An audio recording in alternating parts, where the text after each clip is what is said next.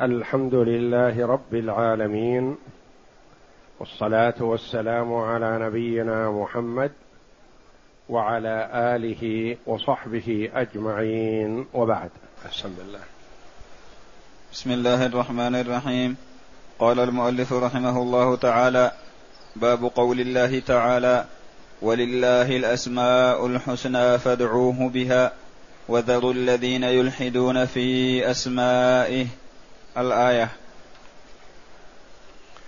هذا الباب أورده المؤلف رحمه الله تعالى في كتاب التوحيد لبيان أن توحيد الأسماء والصفات أحد أنواع التوحيد الثلاثة. فأنواع التوحيد ثلاثة. توحيد الربوبية وتوحيد الألوهية وتوحيد الأسماء والصفات. توحيد الربوبية أن نوحد الله بأفعاله جل وعلا بأنه الخالق وحده الرازق وحده المحيي المميت. ما أحد يشاركه في هذا. لا ملك مقرب ولا نبي مرسل ولا كوكب ولا شمس ولا قمر فهو الخالق وحده. توحيد الربوبية أن نوحد الله بأفعاله. توحيد الألوهية النوع الثاني أن نوحد الله بأفعالنا. ما يصدر منا من طاعة تكون لله وحده لا شريك له. دعاؤنا رجاؤنا عبادتنا توكلنا خوفنا ذبحنا صلاتنا صيامنا زكاتنا حجنا وهكذا تكون لله وحده. مرادا بها وجه الله. هذا توحيد الألوهية. الثالث وهو هذا الذي معنا اليوم توحيد الأسماء والصفات. أن نوحد الله جل وعلا بأسمائه الحسنى وصفاته العلى.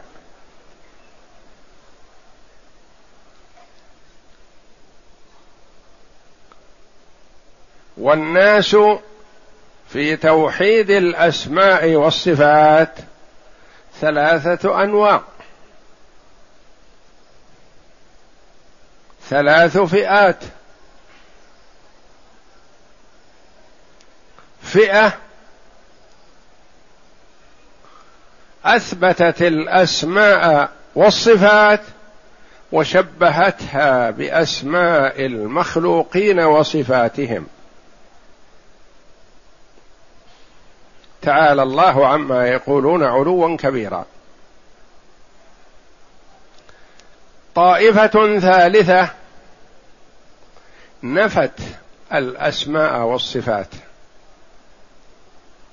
جحدتها عطلت الله من أسمائه وصفاته.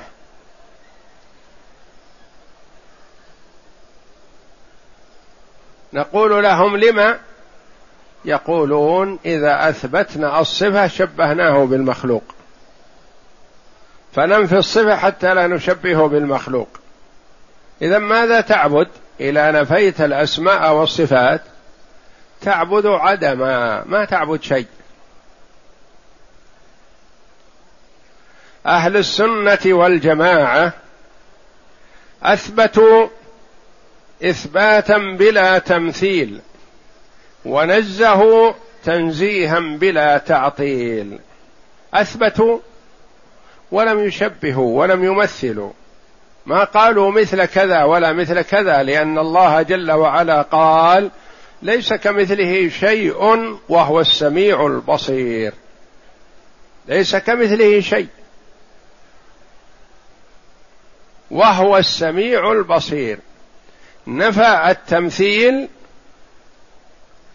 وأثبت الصفة والاسم.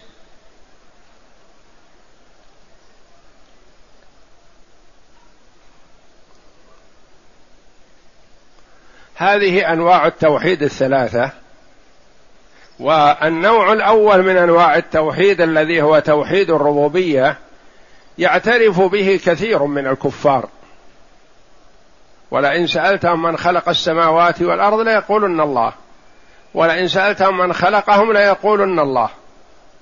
يعترفون بأن الله هو الخالق الرازق لكنهم يشركون في توحيد الألوهية. يعبدون مع الله غيره. على ما قص الله جل وعلا عنهم يقول ما نعبدهم إلا ليقربونا إلى الله زلفى. يقول نعبد الأصنام على من أجل أن تشفع لنا عند الله.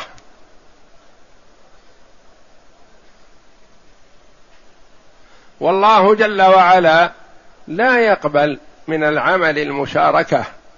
لا يقبل من العمل إلا ما كان خالصا لوجهه تبارك وتعالى.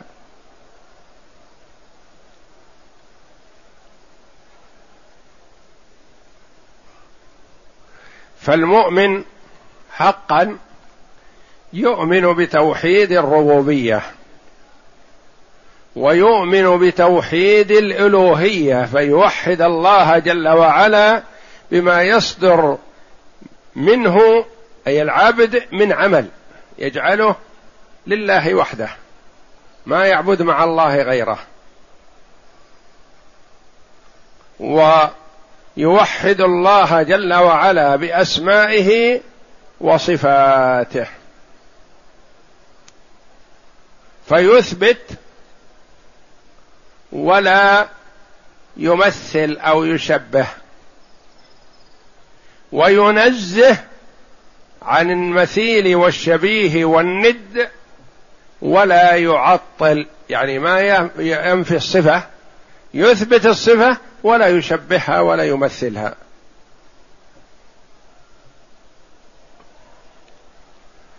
يقول الله جل وعلا ولله الأسماء الحسنى. أسماء الله جل وعلا كلها حسنى.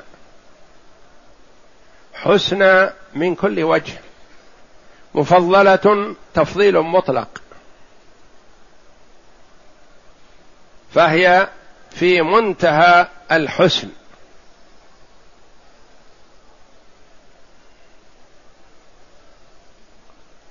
وحسن أفعل تفضيل.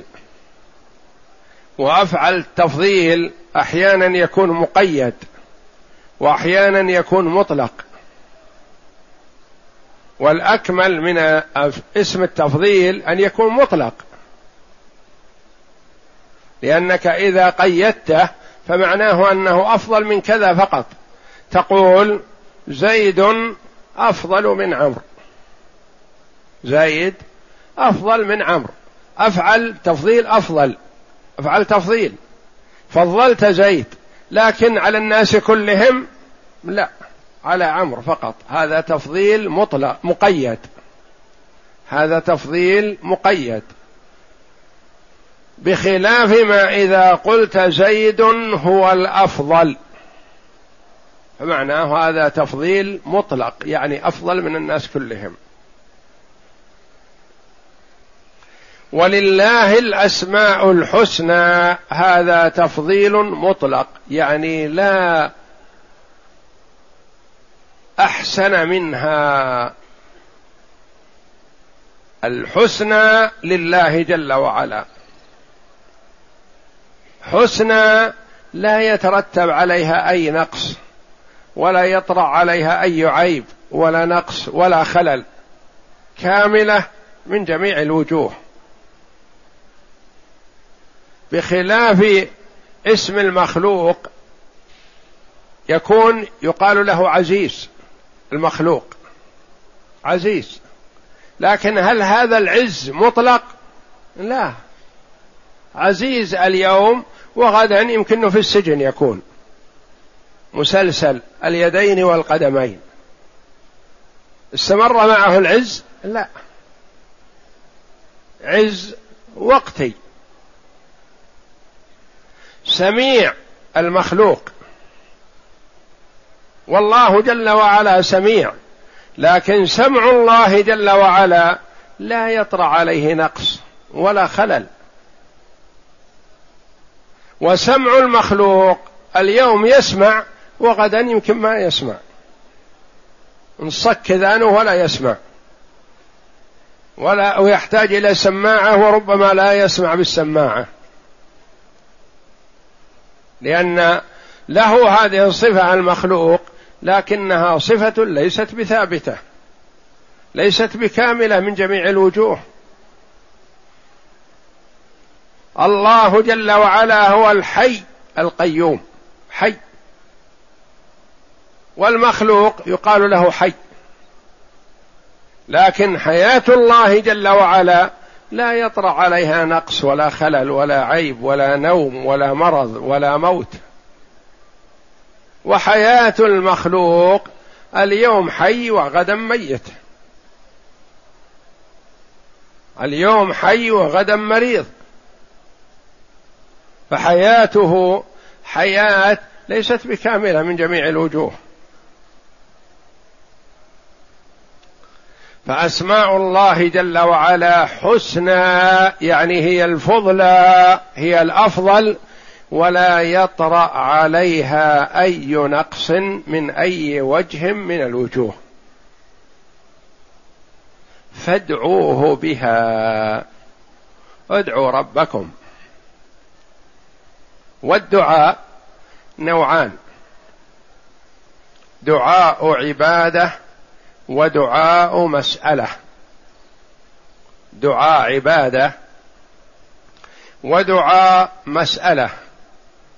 دعاء العبادة أن تعبد الله جل وعلا بالذكر والتسبيح والتحميد وقراءة القرآن والصلاة وأداء الزكاة والقيام بالحج وصوم رمضان كل هذا دعاء عبادة. تعبد لله جل وعلا. أنت تتعبد لله تريد منه جل وعلا. أن يجود عليك. ودعاء مسألة. دعاء مسألة. تقول رب اغفر لي وارحمني وعافني واعف عني. اللهم استر عوراتي وآمن روعاتي واغفر لي ذنوبي. سبحانك اللهم ربنا وبحمدك اللهم اغفر لي. رب اغفر لي ولوالدي ووالديهم. اللهم أصلح نيتي وذريتي وأهل بيتي. هذا دعاء مسألة يعني تسأل ربك. اسأل ربك بأسمائه الحسنى وصفاته العلى. توسل إلى الله جل وعلا بأسمائه وصفاته. ولا شك أن دعاء العبادة أفضل من دعاء المسألة. ولهذا قال النبي صلى الله عليه وسلم أفضل الدعاء دعاء يوم عرفة. أفضل الدعاء دعاء يوم عرفة. وقال عليه الصلاة والسلام أفضل ما قلت أنا والنبيون من قبلي لا إله إلا الله وحده لا شريك له. فلا إله إلا الله دعاء. وهي دعاء عبادة. وقد قال النبي صلى الله عليه وسلم عن ربه تبارك وتعالى أنه قال من اشتغل بذكري عن مسألتي أعطيته أفضل ما أعطي السائلين. إذا اشتغلت بقراءة القرآن أو الذكر والتسبيح أو الصلاة اشتغلت بهذا عن سؤال الله فالله جل وعلا يعطيك أفضل ما يعطي السائلين لأنه يعلم ما في نفسك جل وعلا. يعلم ما تريد. ولله الأسماء الحسنى فادعوه بها. ادعوا الله بأسمائه الحسنى. يعني اسألوا الله بأسمائه. اللهم يا غفور يا رحيم ارحمني. يا جواد يا كريم تكرم علي بعفوك. ادعوا الله بأسمائه الحسنى والأفضل أن يدعو المرء ربه ويتوسل إليه بالاسم المناسب لمطلبه. ما تأتي باسم لا يناسب طلبك. ما تقول اللهم يا غفور يا رحيم أهلك الظالمين. لا. تقول يا غفور يا رحيم ارحمني اغفر لي ذنوبي. يا قوي يا عزيز أهلك الظالمين. تتوسل إلى الله بالاسم الذي يناسب طلبك.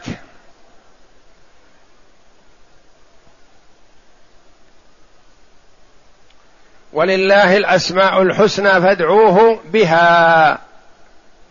وذروا الذين يلحدون في أسمائه. ذروهم. لا تتبعوهم. لا تقلدوهم.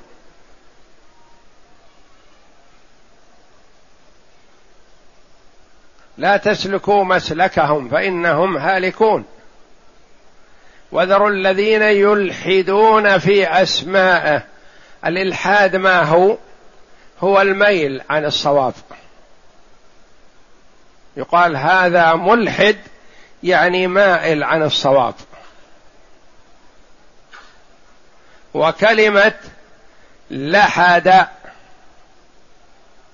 تدل على الميل. مثل اللحد في القبر. اللحد في القبر مايل إلى جهة القبلة. ليس على سمت الحفر حفر القبر يحفر القبر فإذا انتهي من عمقه يلحد له يمال عن سمته وعن اعتداله.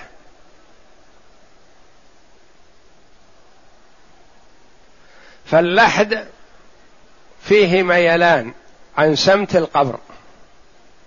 والملحد مائل عن الصواب. وذروا الذين يلحدون في أسمائه يلحدون يميلون عن الصواب. وهذه تشمل كل انحراف عن الحق في أسماء الله وصفاته. تشمل الممثلة والمشبهة. وتشمل المعطلة النفاة وتشمل المشركين الذين سموا آلهتهم واشتقوا لها من أسماء الله جل وعلا فهم ألحدوا في هذا. فكل من مال عن الصواب في أسماء الله وصفاته سواء كان بالإثبات مع التشبيه أو بالنفي مع التعطيل أو بتسمية الله بأسماء لا تليق بجلاله أو نقل أسمائه إلى غيره سبحانه وتعالى فكل هذا يعتبر إلحاد. وذروا الذين يلحدون في أسمائه سيجزون ما كانوا يعملون. هذا وعيد شديد. وعيد شديد لمن ألحد في أسماء الله جل وعلا ولم يتبع الكتاب والسنة فيها. أهل السنة والجماعة اتبعوا الكتاب والسنة أثبتوا ونزهوا ولم يعطلوا ولم يمثلوا.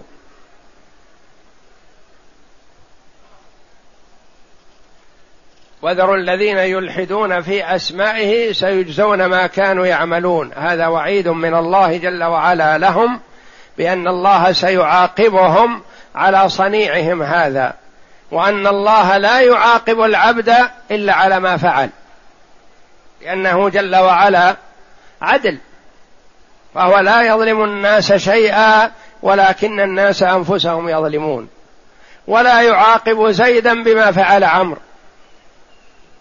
سيجزون ما كانوا يعملون بعملهم السيء سيجازون عليه ما يزاد عليهم.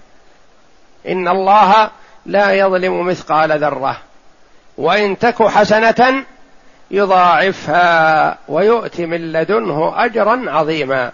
فالحسنات يزيد فيها لأن الزيادة فيها كرم وجود وهو أهل الكرم والجود جل وعلا.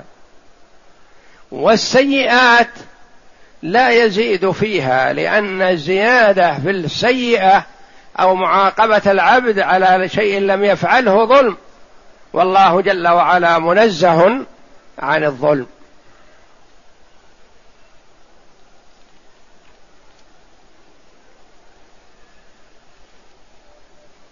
نعم.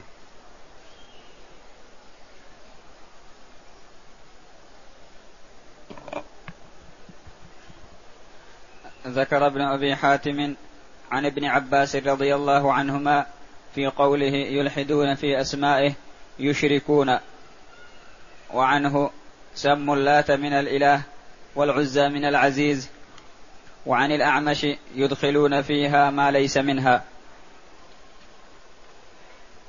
ذكر ابن أبي حاتم عن ابن عباس رضي الله عنهما.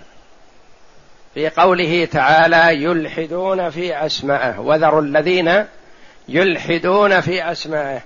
قال يشركون. يشركون في أسماء الله. وعنه سموا اللات من الإله والعزى من العزيز. يشركون في أسماء الله جل وعلا.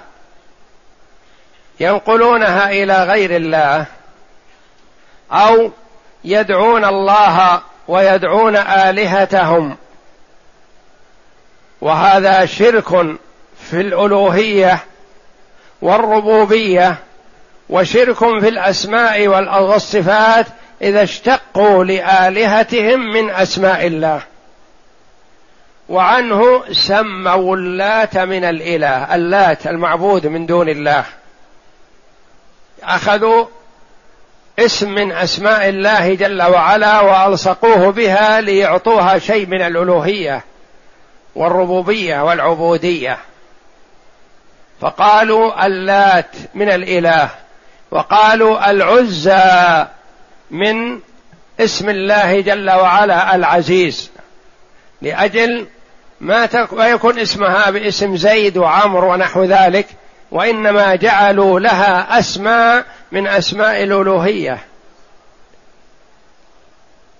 وأبو سفيان لما كانت موقعة أحد وكانت الهزيمة أخيرا على المسلمين وان وغلب الكفار بسبب معصية النبي صلى الله عليه وسلم نادى وهو مشرك في ذلك الوقت قال لنا العزى ولا عزى لكم. يعني إن العزى هي التي نصرتنا وأيدتنا ونفعتنا. لنا العزى ولا عزى لكم. قال النبي صلى الله عليه وسلم اجبوه قالوا ماذا نقول يا رسول الله؟ قال قولوا الله مولانا ولا مولى لكم.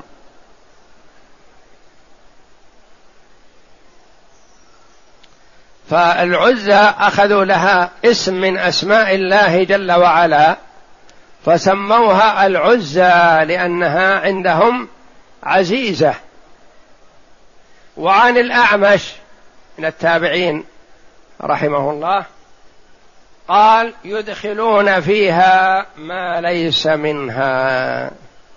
يعني يسمون الله جل وعلا بأسماء لم ترد في الكتاب ولا في السنة. وأسماء الله توقيفية.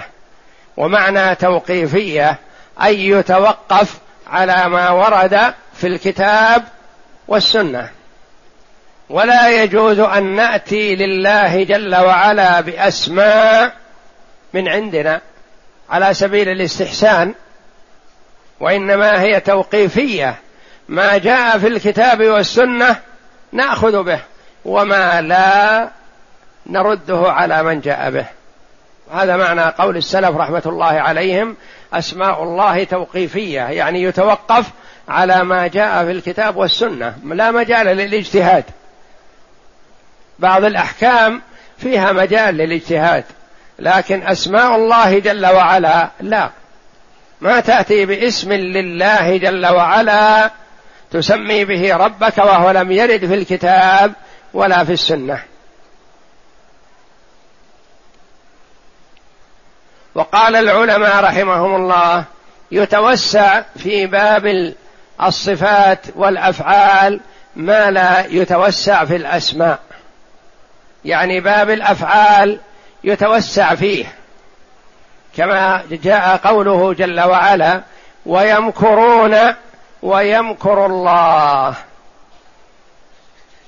يمكر الله جل وعلا بالمنافقين بالكافرين بالظالمين بالمخادعين. لكن ما يجوز أن ننادي ربنا جل وعلا فنقول اللهم يا ماكر. لا. في فالفعل أوسع من الاسم والصفة. يعني يقال بالفعل أن الله يمكر بالظالمين ولا يشتق لهذا ولا يؤخذ لله اسم من هذه الفعل. كذلك مثلا يقال الله جل وعلا يتكلم. ولا نتخذ لربنا اسما من هذا فنقول المتكلم لأن هذا ما ورد في الكتاب ولا في السنة.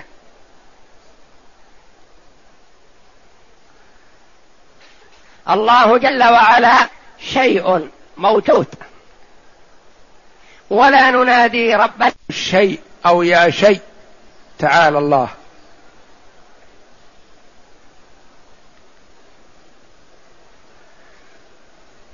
فالأسماء والصفات توقيفية. نقول السميع ورد في الكتاب والسنة. العليم ورد في الكتاب والسنة. يضحك ربنا ورد في السنة. وهكذا الأسماء والصفات يتوقف فيها على ما ورد وأما باب الأفعال فيتوسع فيه أكثر من ذلك ولا يشتق لله من الفعل أو من كل فعل اسما وأسماء الله جل وعلا أعلام وصفات. أعلام وصفات. فهي علم على الله وصفة له جل وعلا. يعني أنها من حيث الاسمية علم. ومن حيث مفهومها صفة لله تبارك وتعالى. بخلاف أسماء المخلوقين فقد تكون علم وليست بصفة الله. قد يسمى صالح لأشقى الناس. يقول هذا صالح يعني اسمه صالح وإلا هو شقي. وقد يسمى سالم مثلا وهو مبتلى بأنواع من الأمراض. فسالم علم عليه لكن ليس بصفة ما هو بسالم. والأول صالح علم عليه لكن ليس بصفة الله ليس بصالح شقي. بخلاف أسماء الله جل وعلا فهي أعلام وصفات. يعني لفظها علم على الله ومعناها صفة لله تبارك وتعالى. نعم اقرأ. باب لا يقال السلام على الله.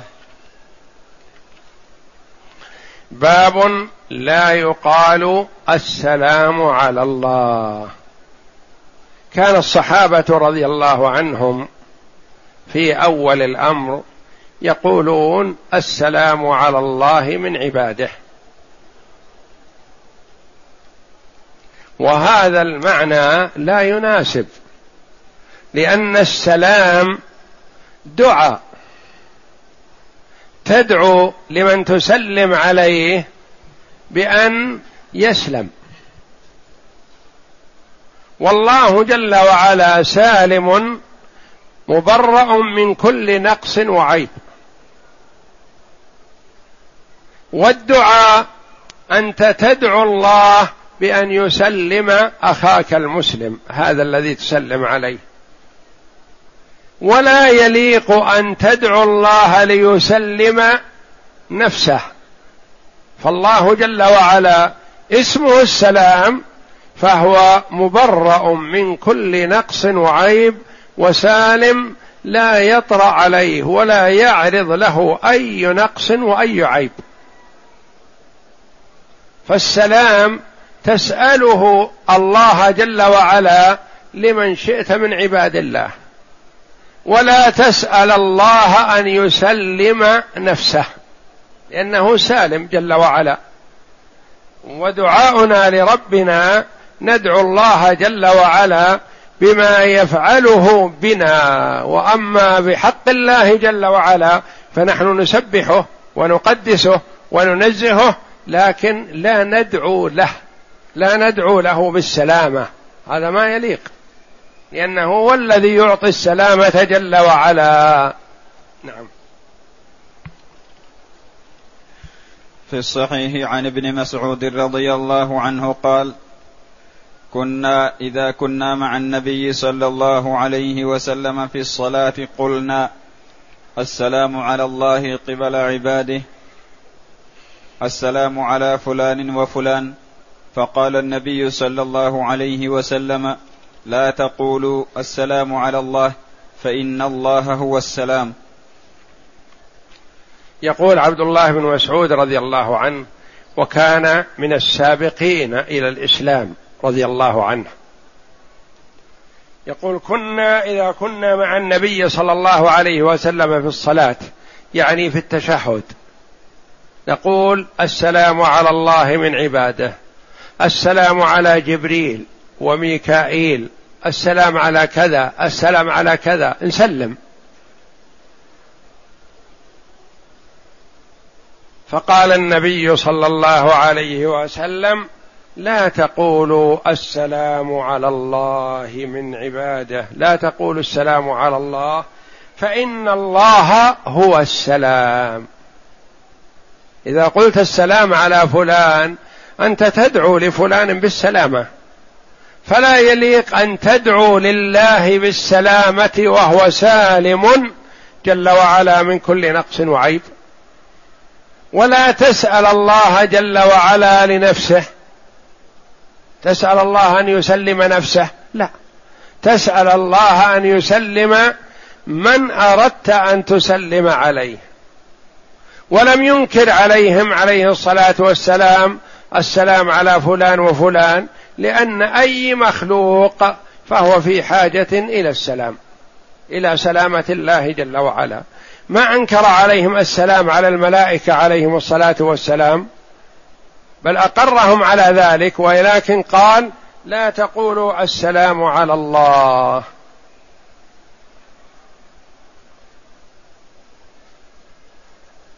فهذا السلام على الله من الدعاء غير اللائق. أن تدعو الله أن يسلم نفسه هذا غير لائق لأنه سالم جل وعلا من جميع النقائص والعيوب. وعليك أن تدعو الله أن يسلم من هو عرضة للنقص والعيب. تسبح الله وتنزه الله وتقدس الله جل وعلا. نعم هذا الوارد. تقول سبحان ربي العظيم سبحان ربي الأعلى سبحان الملك القدوس لا إله إلا الله وحده لا شريك له له الملك وله الحمد وهو على كل شيء قدير لكن لا تسلم على الله لأن السلام دعاء للمسلم عليه ولا يليق أن تدعو الله ليسلم نفسه تبارك وتعالى. والله أعلم وصلى الله وسلم وبارك على عبده ورسول نبينا محمد وعلى آله وصحبه أجمعين.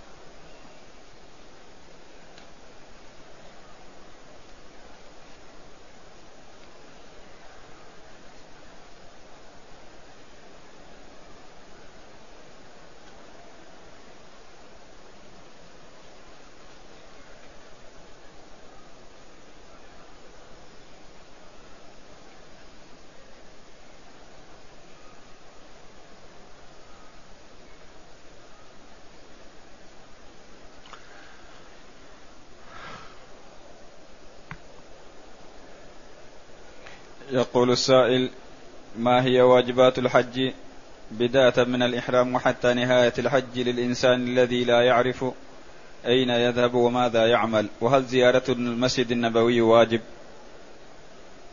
أولا زيارة المدينة وزيارة المسجد النبوي ليست واجبة وليست مرتبطة بالحج.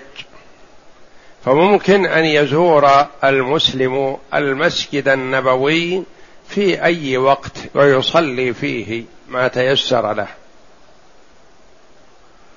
ويحج ويتم حجه ولا يزور المدينة ولا يزور المسجد النبوي. هذا من ناحية زيارة المسجد النبوي.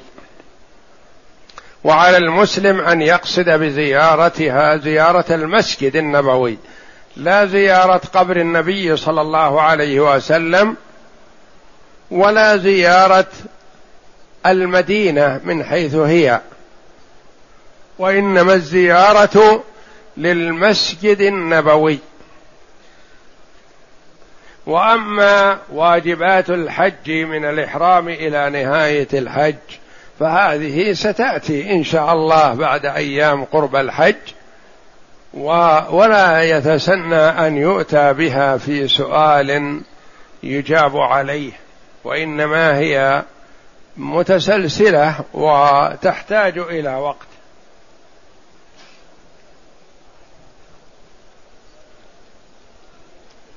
يقول هنا في الحرم تقام الصلاة ونحن في الساحة. فهل نصلي مع من يصلي في الساحة أم ندخل حتى نكمل الصفوف في المسجد؟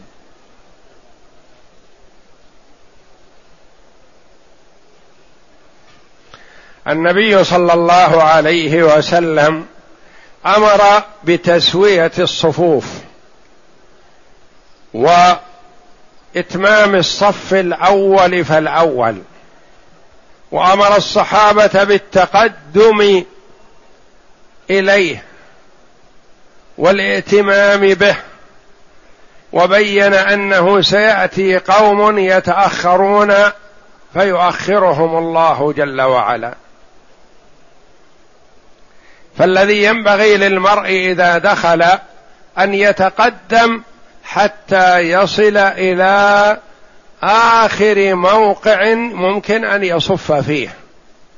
ولا يصلي خلف أو في الصفوف المتأخرة. خير صفوف الرجال أولها وشرها آخرها وخير صفوف النساء آخرها وشرها أولها. ولا ينبغي للمرء أن يصف في الساحات إلا إذا اتصلت الصفوف. بعد أيام إن شاء الله تتصل الصفوف وممكن أن يصلي الإنسان في الإسفلت. في الشوارع القريبة من الحرم والصلاة صحيحة لأنها متصلة الصفوف. لكن اليوم ما ينبغي للإنسان أن يصلي متاخرا والأماكن في الأمام فاضية خالية بل يتقدم حتى لو فاتته ركعة أو ركعتان أو ثلاث. ما يصلي خلف. والصلاة صحيحة إن شاء الله إذا صلى لكنه يكون مخالف للسنة.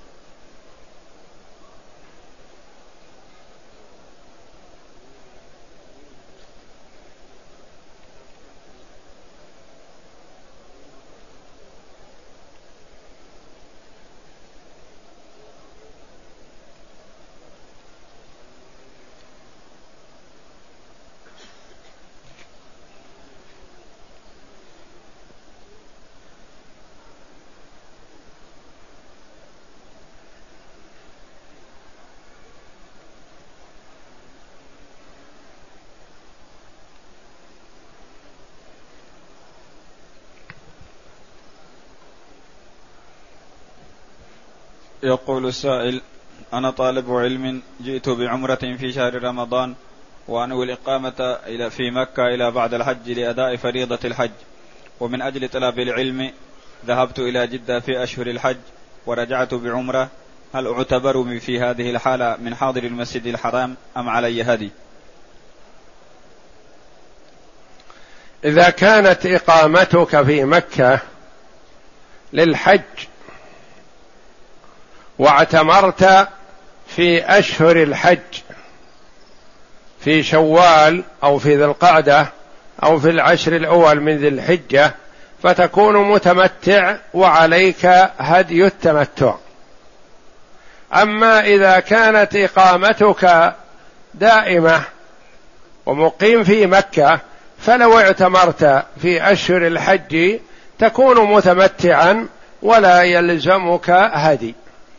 والهدي هدي التمتع ما ينبغي التحيل على إسقاطه لأنه شكر لله. ولا ينبغي الفرار منه ولا الخوف منه. إن استطعته وإلا فصم ثلاثة أيام في الحج وسبعة إذا رجعت.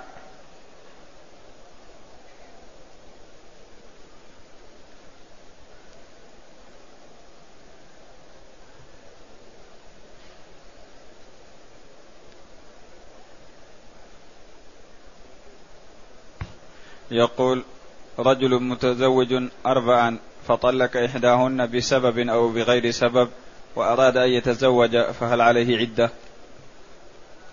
نعم هذه من المسائل التي يعايى بها فيقال متى تلزم العدة للرجل إذا كان عنده أربع وطلق واحدة فلا يسوغ له أن يتزوج حتى تخرج هذه المطلقة من العدة. فما دامت في العدة ما يجوز له أن يتزوج لأنه لو تزوج معناه صار في ذمة خمس. لأن المعتدة لها حكم الزوجات أحيانا ما لم تخرج من العدة. أحيانا تكون مطلقة وترث. إذا كان قصده حرمانها من الميراث فترث. وحتى قال بعض العلماء ولو خرجت من العدة. فالرجل إذا طلق الرابعة لا يتزوج حتى تتم عدة المطلقة.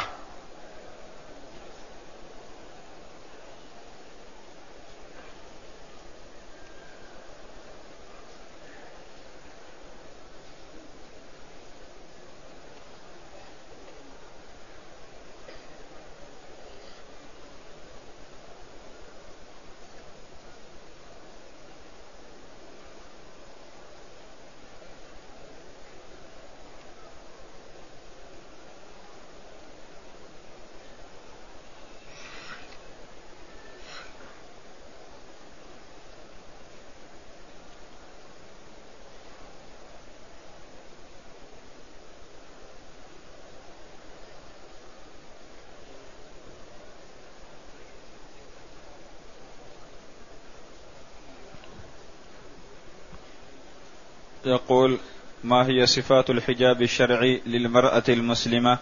وهل يجوز كشف الوجه؟ المرأة المسلمة يجب عليها الحجاب والحجاب الشرعي هو أن تغطي وجهها وجميع بدنها عن الرجال الأجانب. حتى ولو كانت محرمة والمحرمة تكشف عن وجهها إذا لم يكن عندها رجال أجانب لكن إذا كانت بحضرة الرجال الأجانب فيجب عليها أن تغطي وجهها وإن كانت محرمة. فالمسلمة كلها عورة خارج الصلاة وفي الصلاة هي عورة إلا الوجه إذا لم يكن عندها رجال أجانب. فإن كان عندها رجال أجانب فتغطي جميع بدنها بما في ذلك الوجه. تقول عائشة رضي الله عنها كنا مع النبي صلى الله عليه وسلم محرمات فإذا حاذوا بنا الرجال الرحال سدلت إحدانا جلبابها على وجهها فإذا جاوزونا كشفناه. المحرمة لا تغطي وجهها إلا في حال محاذاتها للرجال الأجانب فتسدل جلبابها على وجهها تغطي وجهها. في الحرم تغطي وجهها لأنها بمرأى من الرجال الأجانب. في السيارة في الطائرة في المطار في أي مكان تغطي وجهها إذا كان معها رجال أجانب. حتى وإن كانت محرمة. فإذا كانت المحرمة تغطي وجهها عن الرجال الأجانب وهي مأمورة بكشف وجهها عادة فغير المحرمة من باب أولى أن تغطي وجهها عن الرجال الأجانب دائما وأبدا.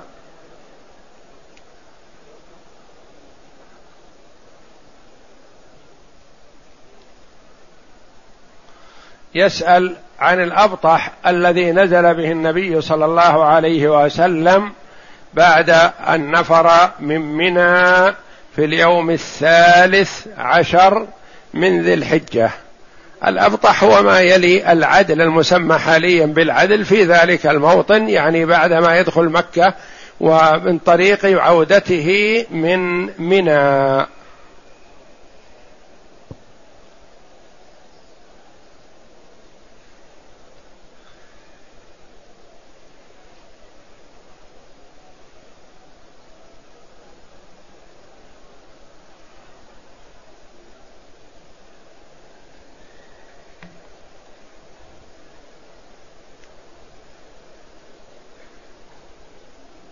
يقول هل الفريضة لا تجوز في المصلى على الإطلاق؟ أم هناك تفصيل بأن بأن تكون المصلى داخل أو خارج المقبرة؟ إذا كانت الصلاة داخل المقبرة فلا تصح لا الفريضة ولا النافلة. داخل المقبرة حتى وإن كان مبني مسجد أو مظلل أو نحو ذلك يكون المسجد هذا للصلاة على الجنائز أو الظلال للصلاة على الجنائز أو لوقوف الرجال للتعزية ونحو ذلك ولا يصلى فيه لا الفريضة ولا النافلة.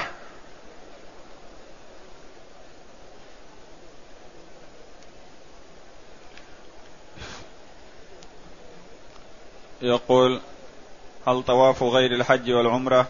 محدود بسبعة أشواط أم هو مطلق لا عدد له؟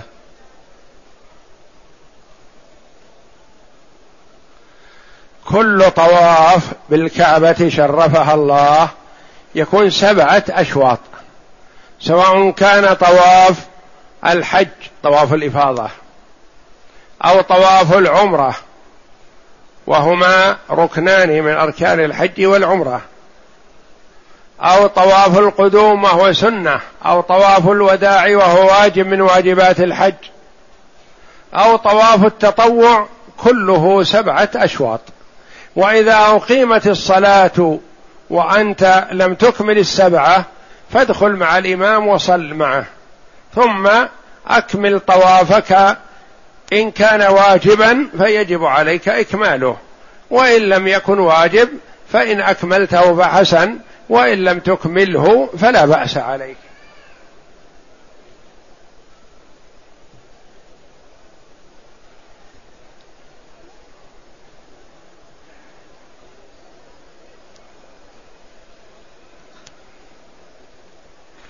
يقول ما هو وقت وقت أذكار الصباح والمساء؟ وهل إذا فات الوقت المحدد نسيانا أو عمدا يجوز قضاؤها؟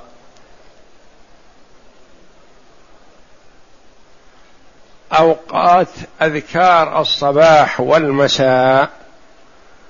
الصباح من صلاة الفجر إلى طلوع الشمس. والذكر في أي وقت أتيت به حسن لكن إذا تحريت الوقت فمن صلاة الفجر إلى طلوع الشمس. وأذكار المساء من صلاة العصر إلى غروب الشمس. والذكر مستحب في كل وقت. ما تقول فات وقت الذكر ما يفوت. في أي وقت يتيسر لك أن تذكر الله فحسن.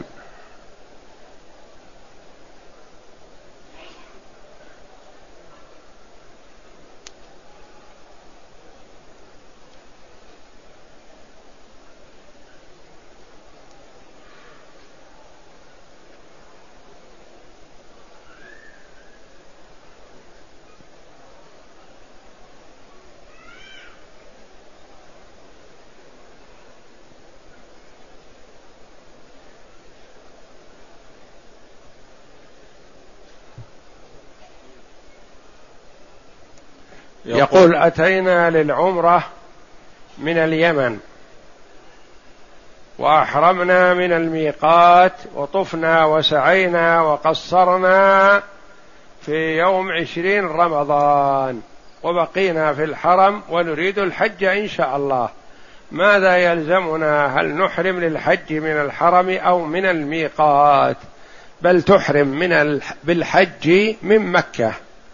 من الحرم من البيت من الشارع من عند السيارة التي تركبها إلى منى تحرم من مكة ولا تخرج لأنك في مكة.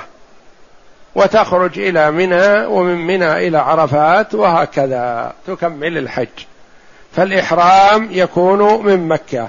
وفي هذه الحال تكونوا مفردين وليس عليكم هدي لأن عمرتكم في رمضان. في غير أشهر الحج. فرمضان ليس من أشهر الحج. والمتمتع هو من أحرم بعمرة في أشهر الحج وحج من نفس السنة.